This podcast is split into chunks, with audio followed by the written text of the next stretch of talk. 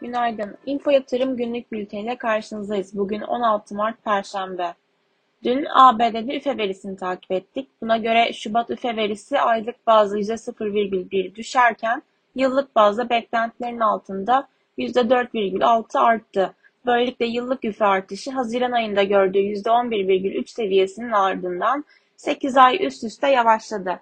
Çekirdek üfe aylık bazda sabit kalırken yıllık bazda beklentilerin altında %4,4 arttı.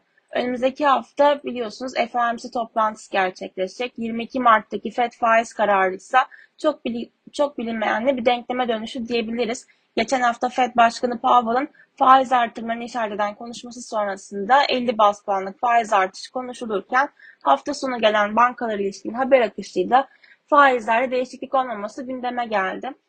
Bankaların iflasıyla birlikte piyasada finansal sistemle ilgili birçok soru işareti olabileceği algısı sonrası e, güven limanlara geçişler hızlandı.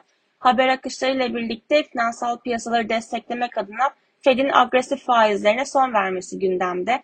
Tahvil fiyatlamalarına baktığımızda ise Fed'in yıl sonuna doğru 50 veya 100 bas puanlık faiz indirimi yapabileceğinin fiyatlamalarına şahit oluyoruz.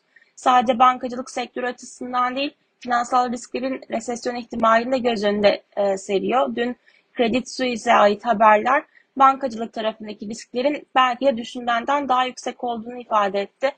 Credit Suisse CDS'leri yükselirken hissedeki değer kaybının etkileriyle Avrupa'da bankacılık paylarında da satışlar takip ettik.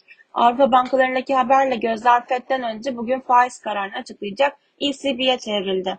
BIST endeksinde 5220, 5315 ve 5395 seviyelerin direnç, 5045 ve 4870 seviyelerini destek olarak takip edeceğiz. Borsa İstanbul'un güne yatay başlamasını bekliyoruz.